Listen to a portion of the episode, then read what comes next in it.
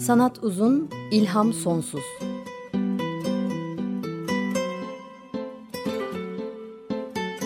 Sanat üzerine psikolojik sohbetler.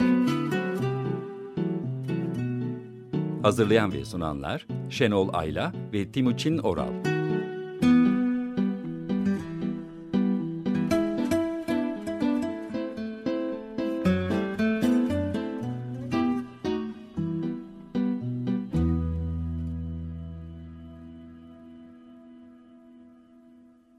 94.9 Açık Radyo'da Sanat Uzun İlham Sonsuz'dan merhaba. Ben Şenol Ayla. Teknik Masa'da da bugün Barış Demirel var. Twitter hesabım e, et sanat alt uzun idi hatırlatayım. Program sırasında bazı link ve resimleri paylaşacağım. Sonrasında da bugünkü şarkı listemizi Twitter hesabımızda bulabileceksiniz. E, podcastımız var. Açık Radyo.com.tr'nin ana sayfasındaki e, linkten nerede olduğunu bulabilirsiniz. Geçen programda dört kurgu kahramanın düşlerine bakmıştık ve e, Freud'un gündüz düşleri üzerine dediklerinden biraz bahsetmiştim. Madame Bovary ve Gündüz Güzeli'nin gündüz düşlerinden söz etmiştim. Orada da sözü geçmişti ki Freud Yaratıcı Yazarlar ve Gündüz Düşleri adlı denemesinde şöyle diyordu. Gündüz düşleri çocuk oyunlarına benzer. Oyunlar çocuğun olmak istediği şeyi kurguladığı dünyadır.'' Nasıl ki çocuk oyunlarda kendisine olmasını istediği hayatı kurgularsa, gündüz düşleri de aynen böyle. Tatmin olunamamış, mutsuz gerçeklik dünyasını değiştirme arzusudur. Gündüz düşlerinde zihinsel aktivite tatmin olmayan arzuları doyurmak üzere bir durum yaratır. Böyle demişti Freud 1908'deki denemesinde. E, sanat uzun ilham sonsuzun peşine düştüğü merak konularından biri zaten e, ilham sonsuz tamam ama nereden geliyor konusu birçok sanatçının birçok eserine bakıp bu ilhama dair ipuçlarını arıyor. Kendimizden doğru da bakarak yorumluyoruz. E, ilham e, çok kişinin merakını uyandırmış bir konu. Esin.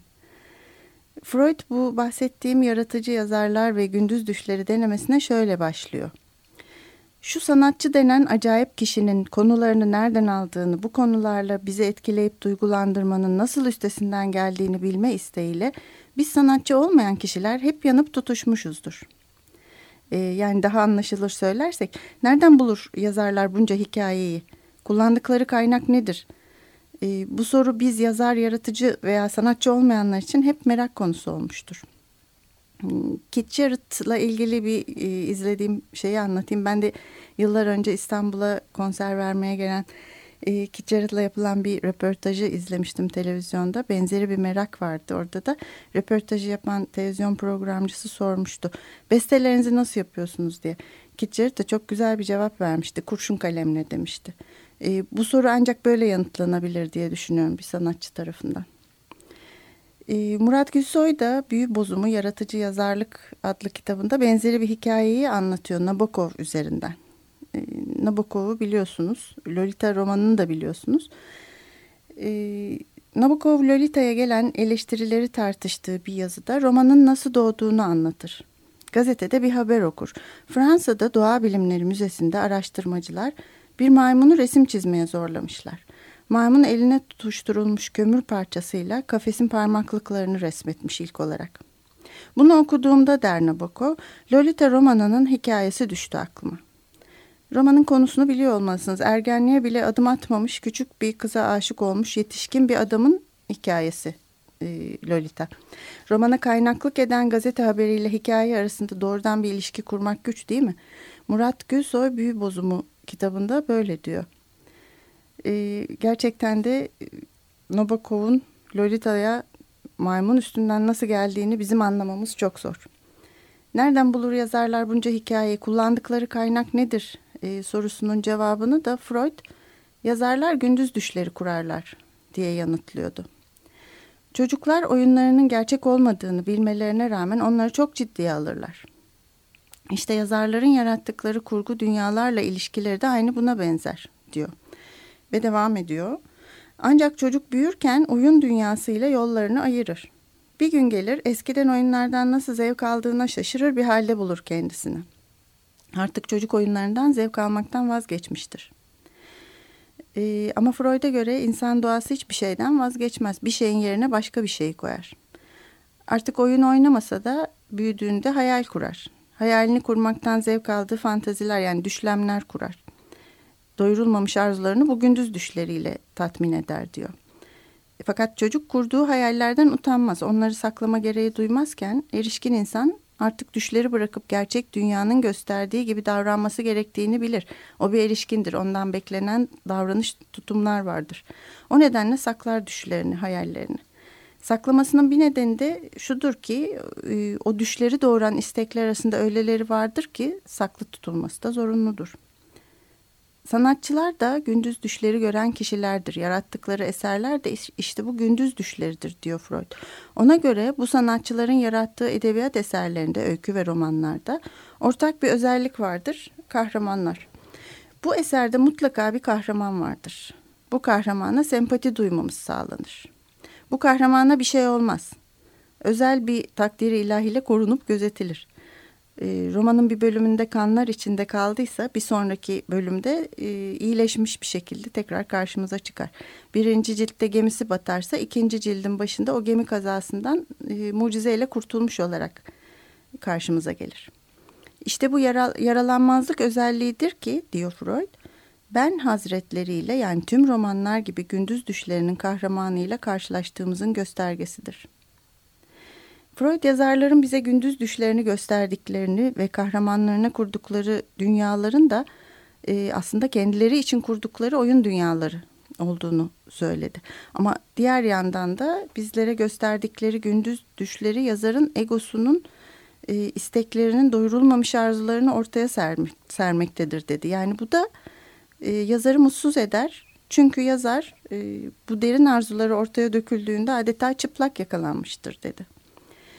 Murat Gülsoy da e, Büyü Bozumu Yaratıcı Yazarlık e, kitabında çok içten bir paylaşımda bulunuyor e, kendisiyle ilgili. Oradan okumak istiyorum bunu. Ben ancak kendi yazma sürecimi gözden geçirerek tüm bu soruları kendi adıma yanıtlayabilirim. İlk gençliğimde sevdiğim, önemli bulduğum yapıtlar vardı. Bu yapıtlar beni ve hayata bakış tarzımı, yaşama biçimimi değiştiriyor, etkiliyor ve şekillendiriyordu. Bir yandan da kurmaca dünyalarda gezinmenin, yaşamanın büyük bir zevki vardı. Yıllar geçtikçe yazmanın da okumak gibi hatta daha fazla zevk veren bir süreç olduğuna dair bir saplantıya dönüştü edebiyatla ilişkim. Özellikle de mutsuz olduğum, hayal kırıklığına uğradığım dönemlerde yazıya, edebiyata doğru eğilimim artış gösteriyordu. Bu anlamda fanteziler kuran birinden farkım yoktu belki. Yazmak iyi geliyordu, sağaltıcı bir gücü vardı. Ama zaman ilerledikçe, daha çok yazdıkça, daha güvenle yazmaya başladıkça edebiyata daha yakından bakmaya başladım. Evet yazıyordum ve insanlar bu metinlerin gerçekten de edebiyat olduğunu, zevkle okuduklarını, benim bir yazar olduğumu söylüyordu. İlk başlarda tıpkı fantezilerinden utanan biri gibi yazdıklarımı gizli çekmecelerimde tutuyor, herkesten saklıyordum. Bir süre sonra fark edecektim, insanlara bunları okutmak istediğinizde onların bunu, buna çok da meraklı olmayabileceklerini. Bu da Freud'un söyledikleriyle örtüşüyor. Evet böyle diyor Murat Gülsoy. Ee, şimdi müzik zamanı misafir odasında bugün Murat Gülsoy vardı. Onun bu program için e, bu konuları duyduğunda özel seçtiği parçayı dinleyeceğiz şimdi. Grace Jones söyleyecek I've seen that face before. like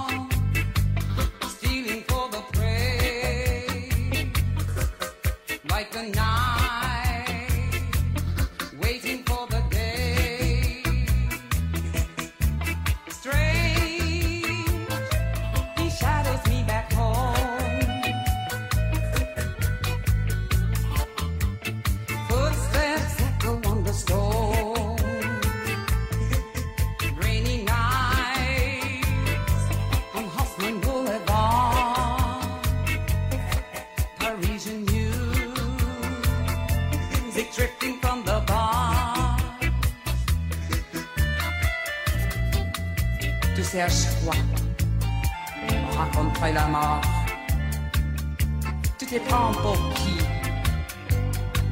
Toi aussi, tu détestes la vie.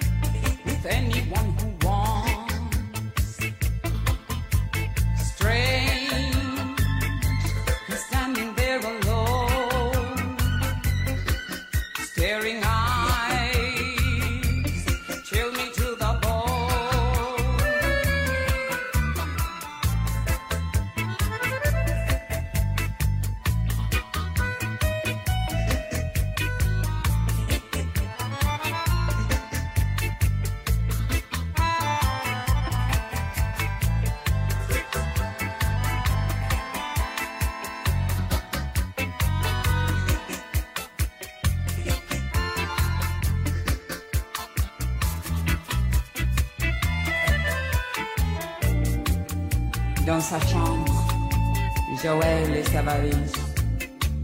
On regarde sur ses fringues, sur les murs des photos, sans regret, sans mélo. La porte est claquée, Joël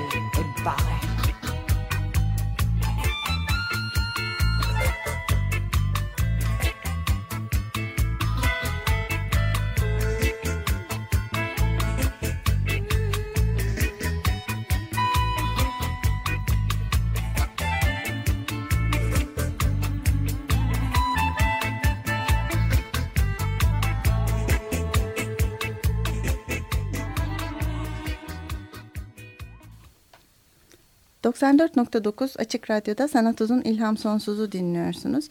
Grace Jones'tan dinledik. I've Seen That Face Before. Misafir Odası'ndaki Murat Gülsoy bu program için seçmişti. Ee, bu parçanın bestecisi Astor Piazzolla. Ee, Libertango olarak biliyoruz. Bu Grace Jones'un bir uyarlamasıydı ve Frantic e, filminde... e, 1988 yapımı Roman Polanski'nin yönettiği Frantic filminde de önemli bir sahnede geçiyordu. YouTube'dan bakabilirsiniz Frantic Grace Jones deyince güzel bir dans sahnesi var. Film içinde önemli bir noktada. Harrison Ford'la Emmanuel Senye'nin e, dansları çok güzel orada da. E, Murat Gülsoy'u yazar, mühendis ve öğretim üyesi olarak tanıyoruz. Bunlar dışında da Açık Radyo'nun da içinde bulunduğu Hayati Hakikiye hikayeleri. Türkiye hikayelerini anlatıyor projesinin de seçici kurulunda Ömer Madra, Güven Güzeldere ve İlksen Mavi Tuna ile birlikte yer alıyor. Ee, Nazım Hikmet'in Memleketimden İnsan Manzaraları eserinden ilham alan bu proje 2015 yılında başlamıştı ve e, herkesin kendi hikayesini anlatması çağrısında bulunulmuştu. Yine 2015'te seçilen 102 yazardan 116 öykü açık radyo mikrofonlarından seslendirildi ve podcast olarak da yayınlandı. Bu hikayeleri Twitter'dan paylaşacağım linklerde bulabilir ve dinleyebilirsiniz. Çok şaşırtıcı, çok güzel, e, hepsi bütünü çok güzel hikayeler. Bir de güzel rastlantı oldu. Bu öyküler kitap haline getirildi ve tam da bugün bu olağanüstü kitabın tanıtımı yapılacak iki saat sonra. E, 2 Haziran Cuma yani bugün e, saat 15'te Nazım Hikmet'in 54. ölüm yıl dönümünde Kitap Boğaziçi Üniversitesi'ndeki Boğaziçi Üniversitesi Nazım Hikmet Kültür ve Sanat Araştırma Merkezi'nde okurlarla buluşacak. E, yaratıcı yazarlık atölyesinde de dersler veren ve ayrıca o nedenle de yaratıcılığın kaynağı nedir, e, ilham nereden gelir konulu bu programa misafir olarak çok uyan Murat Hoca'ya çok teşekkür ediyorum. Frantic filmi de çok ilginçti onu da hatırladık bu sayede. E, bugün 88 yaşında olan bilim kurgu yazarı Ursula Le Guin de insanın içindeki iyi ve kötü taraflara dikkat çekiyor. Bilim kurgunun büyük ustası Grandmaster of Science Fiction ünvanını e, almış olan 2003'te aldı bu ünvanı Ursula Le Guin. E, Çocuk ve Gölge adlı denemesinde her insandaki çift kalpliliği ele alıyor. Ve diyor ki her insanın bir de karanlık tarafı vardır ve bunu inkar etmemesi gerekir e, diyor. Yaratıcı yazarlar karanlık yanlarını simgeleyen gölgelerin de yanlarında taşımalıdırlar diyor. Karanlık yanlarla törpüleyemediğimiz aslında pek de açığa da çıkmasını istemediğimiz hırslarımız, kıskançlıklarımız, intikam isteğimiz, e, akıl almaz şeyler yapabileceğimiz durumları kastediyor. E, Freud yazarlık gündüz düşleri kurmaktır dedi. Ursula Le Guin de karanlık yanımız dedi. Yazarların kurdukları gündüz düşlerinde ve hikayelerinde kendi karanlık yanlarını da birlikte getirdiklerini hatta getirmeleri gerektiğini getirirlerse daha doğru ve iyi olacağını söyledi. Ee, karanlık yanıyla barışık yazarlardan biri Edgar Allan Poe. Şimdi biraz ona bakalım istiyorum. Ee, Poe, Eleonora öyküsünde gündüz düşleri kuranlardan şöyle bahsediyor. Freud'dan da yaklaşık 80 yıl kadar önce benzeri bir şey söylüyor. Şöyle. İnsanlar bana deli dediler. Ama deliliğin ileri düzeyde zeka olup olmadığı, fevkalade olan şeylerin çoğunun derin olan her şeyin düşünce sayrılığından, genel aklın zararına yüceltilen ruh hallerinden kaynaklanıp kaynaklanmadığı sorunu henüz çözümlenmiş değil.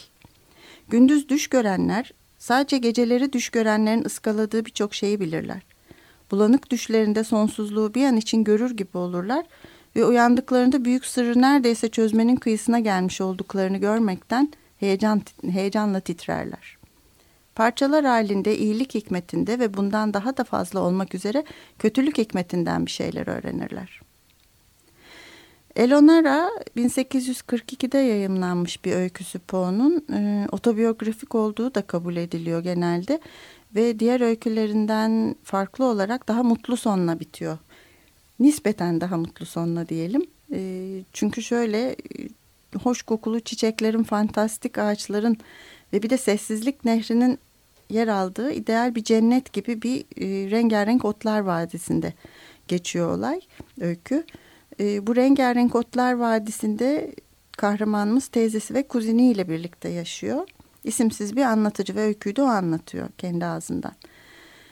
E, bu vadi yabancıların ayak basmadığı bir yer. E, orada bu üç kişi dünyadan yalıtılmış mutlu bir hayat sürüyorlar. Anlatıcı ve kuzeni Eleonora kuzenin adı.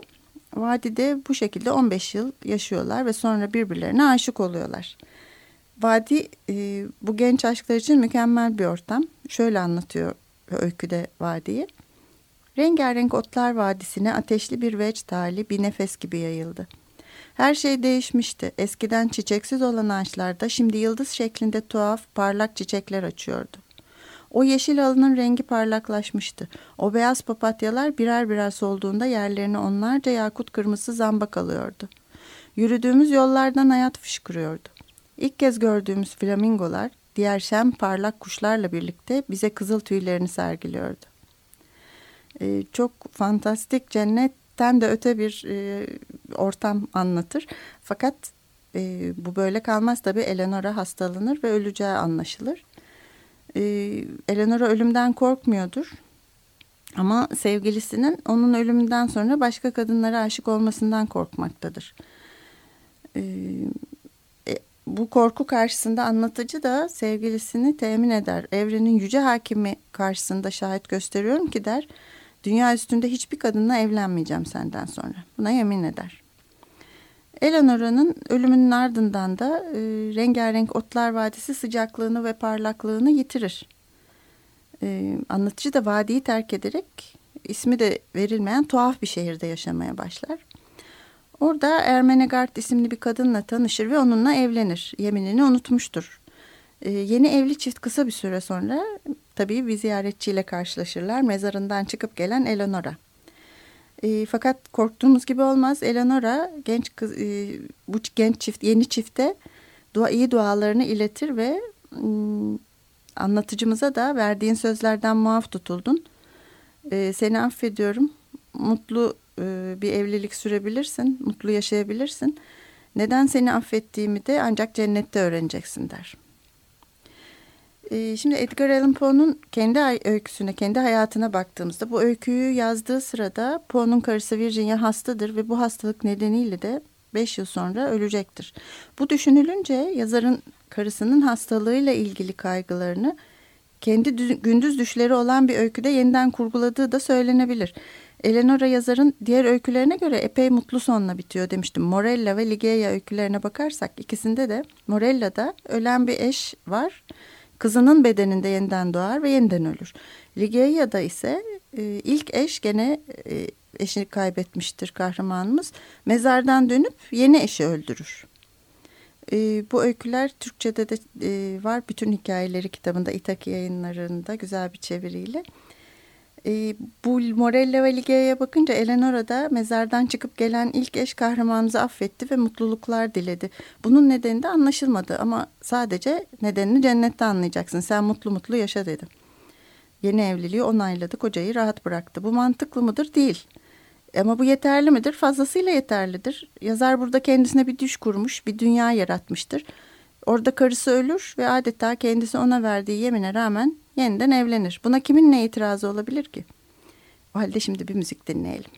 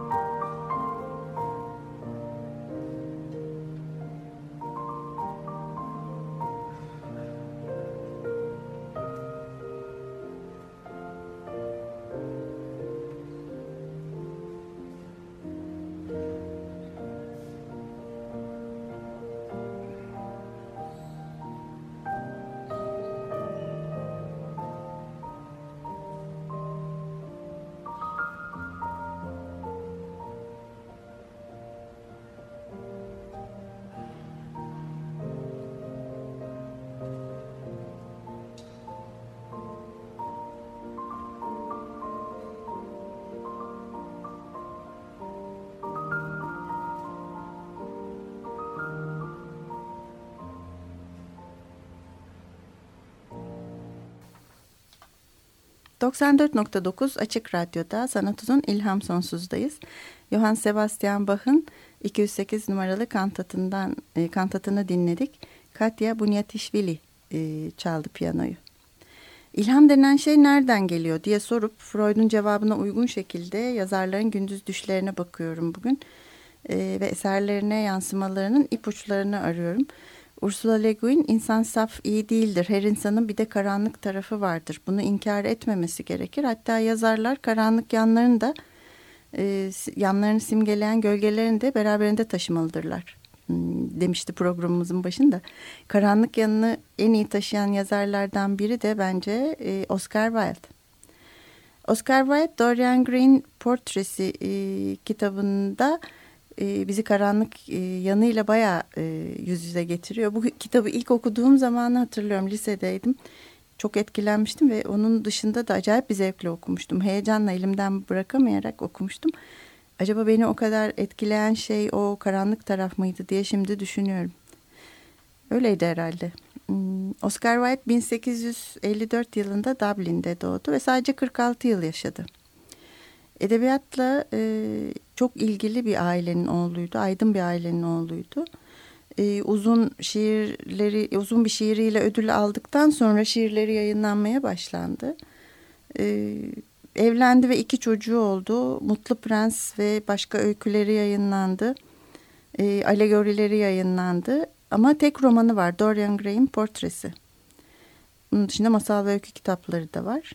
E, oyunları da var. Ee, sonra cinsel tercihleri nedeniyle eşcinsel olduğu ortaya çıkınca suçlanarak iki yıl hapis yattı ve insanlık dışı bir ortamda yaşadı. Burada yazdığı Reading Zindan Baladı da e, yayınlandı. Çıktıktan kısa bir süre sonra aslında menenjit olduğu yazılıyor. Bir beyin iltihabıyla 1900 yılında Paris'te öldü. Tek romanı Dorian Gray demiştim.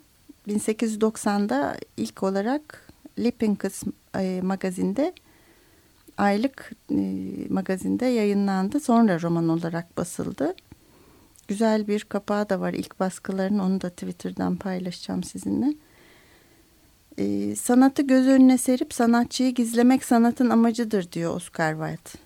Tam onun öldüğü zamanlarda yani 1900'lerde ise Freud eserlerine bakarak sanatçıya dair kendilerinin bile bilmedikleri şeyleri ortaya çıkarmanın peşinde.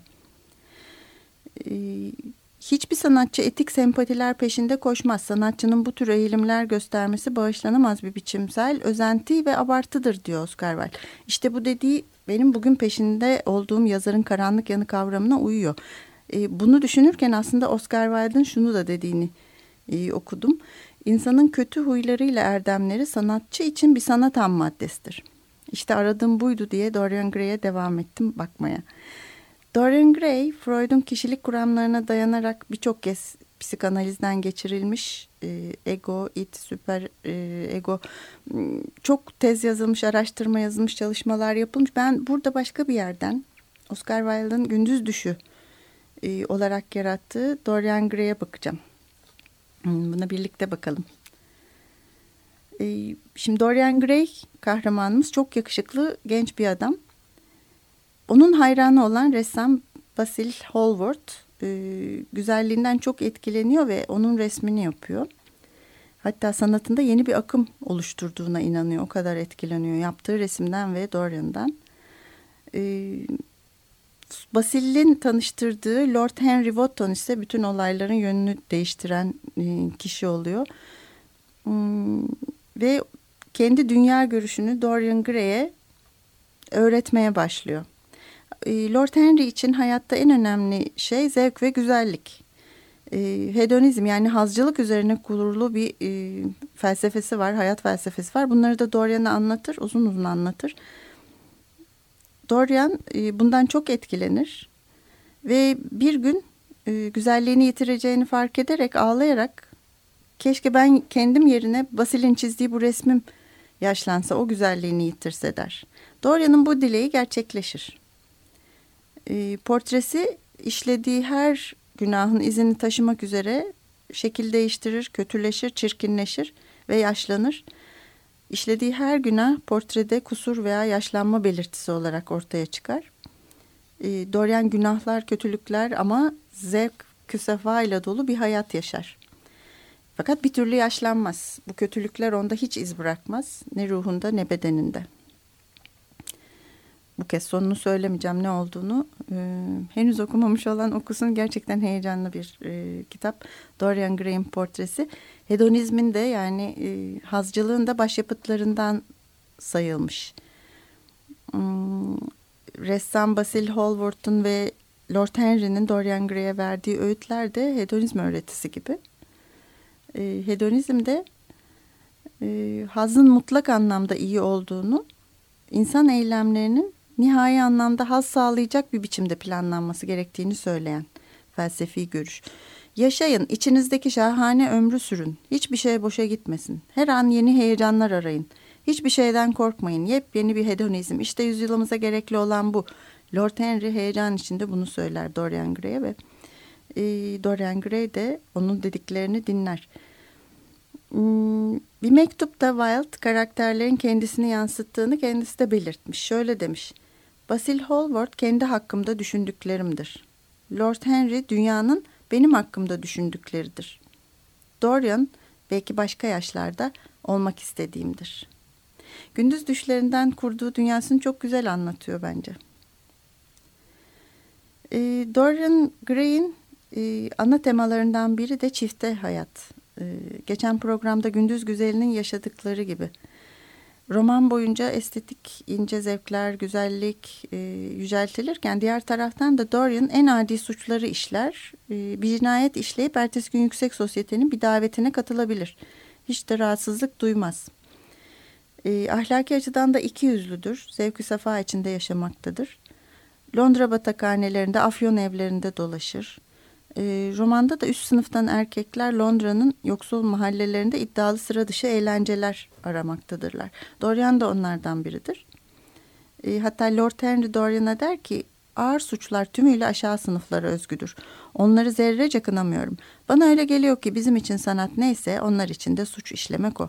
Yani olağan dışı heyecanlar yaratmanın bir yöntemi.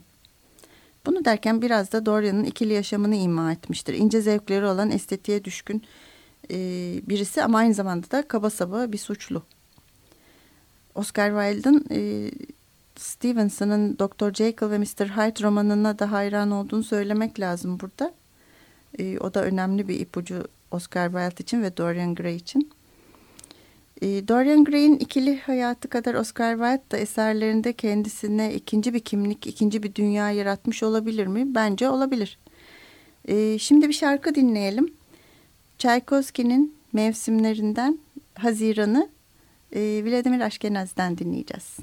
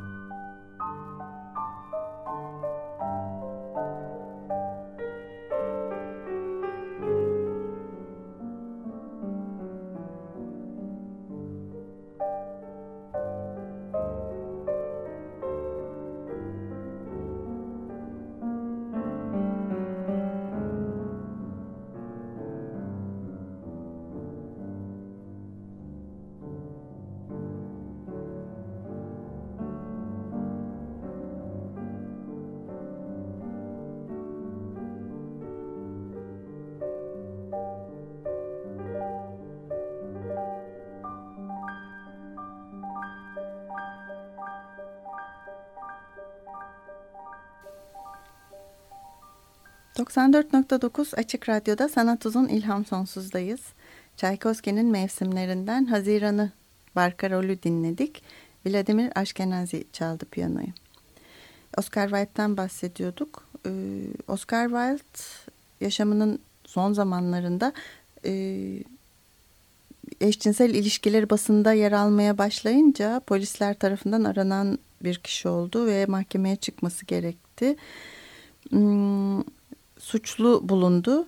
Dava büyük e, bir ilgi topladı halktan. 1895'te başladı ve yaklaşık iki aya yakın sürdü. Ahlaksızlık suçu e, nedeniyle iki yıl kürek hapsine çarptırıldı Oscar Wilde.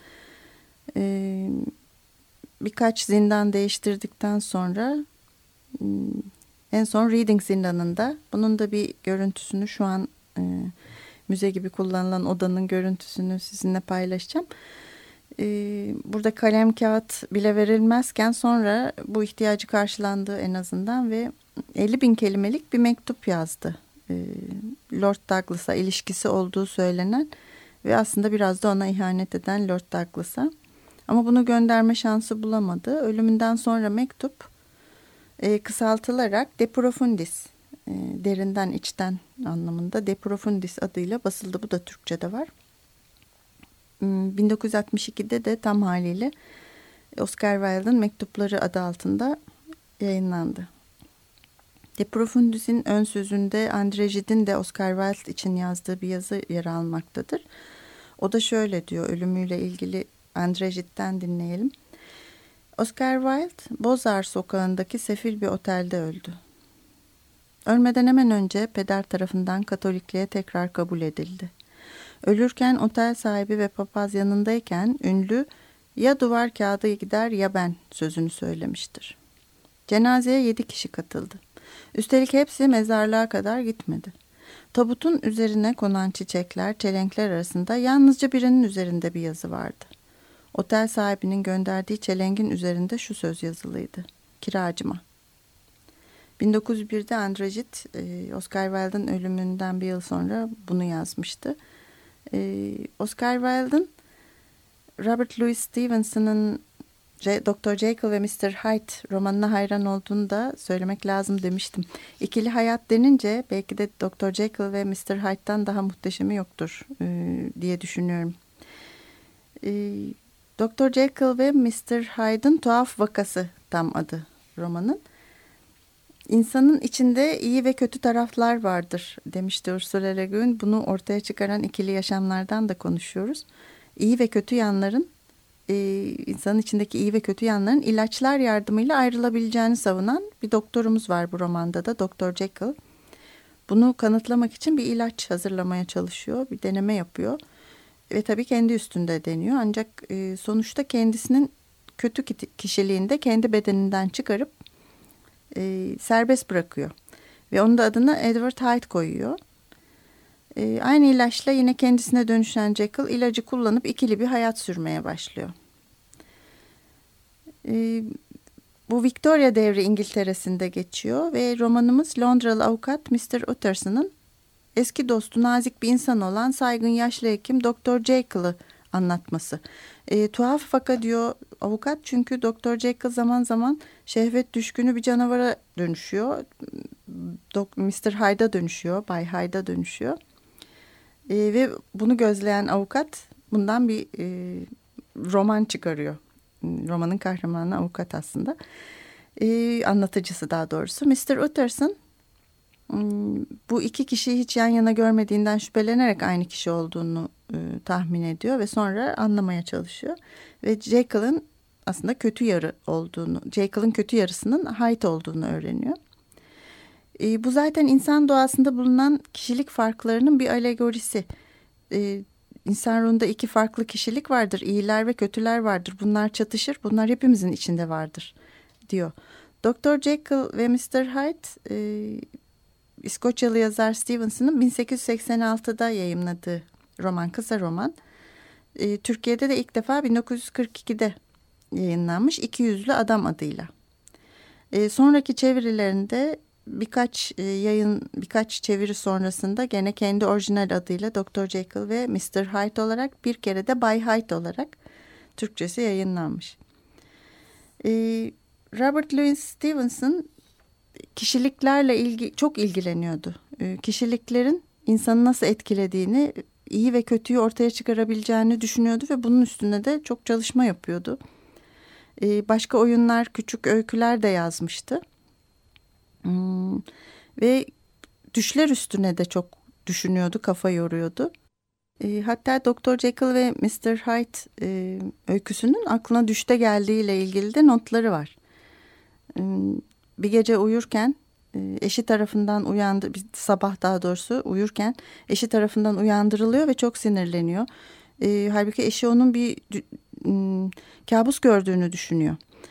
E, Stevenson çok kızıp neden beni uyandırdın? Çok güzel bir şey görüyordum. Bir ikili yaşamla ilgili bir düş görüyordum diyor.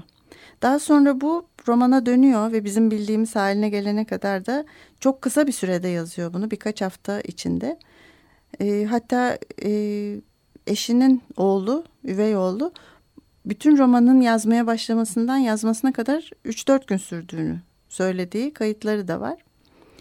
E, gündüz düşlerinin yaratıcılıktaki öneminden bahsediyoruz bugün ama e, yaratıcı olmayan insanın hayatında da önemli bir e, rolü var. Biraz geçen programda da konuşmuştuk. İsteklerimiz, bastırdığımız arzular, kendimizi e, zorda bıraktığımız isteklerimizin aslında hayallerimizle boşa çıkması, boşalması, rahatlamamızı sağladığını konuşmuştuk. E, şimdi burada bir ara verip e, bir parça dinleyelim, sonra devam edelim. Müzik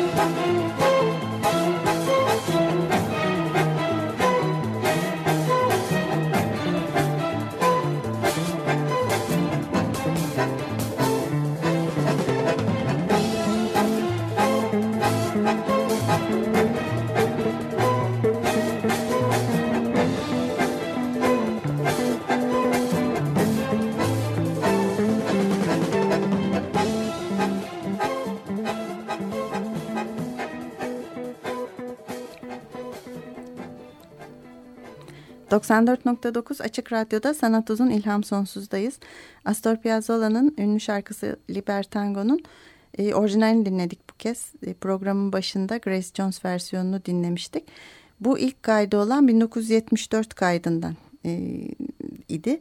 Hayal gücünün getirdiği özgürlüğün bir ürünüydü aslında. Onun için tekrar çalmak istedim. İyi bir seçimdi e, Murat Gülsoy'un da seçimi. Sadece yaratıcı olması anlamında değil, liber İspanyolca libertad'dan, özgürlükten ve tango kelimelerinden geliyordu ve Piazzola'nın geleneksel klasik tango kalıplarından tango nueva'ya, yeni tangoya geçişinin simgesi habercisiydi bir yandan da. E, o nedenle yaptığı bir albümdü bu da. Liber Tango albümü. Ee, peki gündüz düşleri dediğimiz düşlemler, hayal kurmalar biz erişkinler tarafından rahatlıkla itiraf edilebiliyor mu? Hayat, hatta rahatlıkla hayal kurulabiliyor mu? Yoksa çocukluktan sonra unuttuk mu acaba düş kurmayı diye düşünüyorum da. E, işinizin başında otururken hiç öyle bir deniz üzerinde bir teknede olmayı istemli ve sistemli olarak düşündüğünüz olmuyor mu? Acaba benim oluyor. Ya da bir dağ yolunda yürüdüğünüz ya da üstü açık bir arabayla gün döndü tarlalar arasında ıı, yol aldığınızı düşündüğünüz olmuyor mu? Benim oluyor. 94.9 Açık Radyo'da Sanat Uzun İlham Sonsuz'u dinlediniz. Destekçimize teşekkür ediyorum. Bugün Teknik Masa'da Barış Demirel bana destek oldu. Ona da teşekkür ediyorum.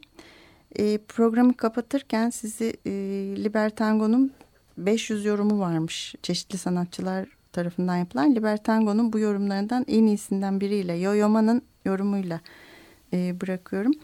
Gündüz düşlerinden kaçmamanız dileğiyle. Hoşçakalın.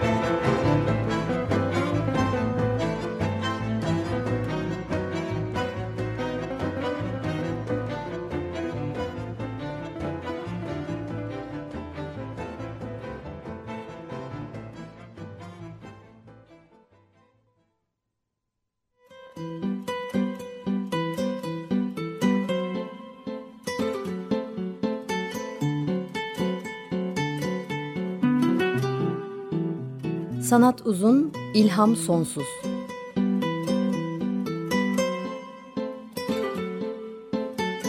Sanat üzerine psikolojik sohbetler. Hazırlayan ve sunanlar Şenol Ayla ve Timuçin Oral.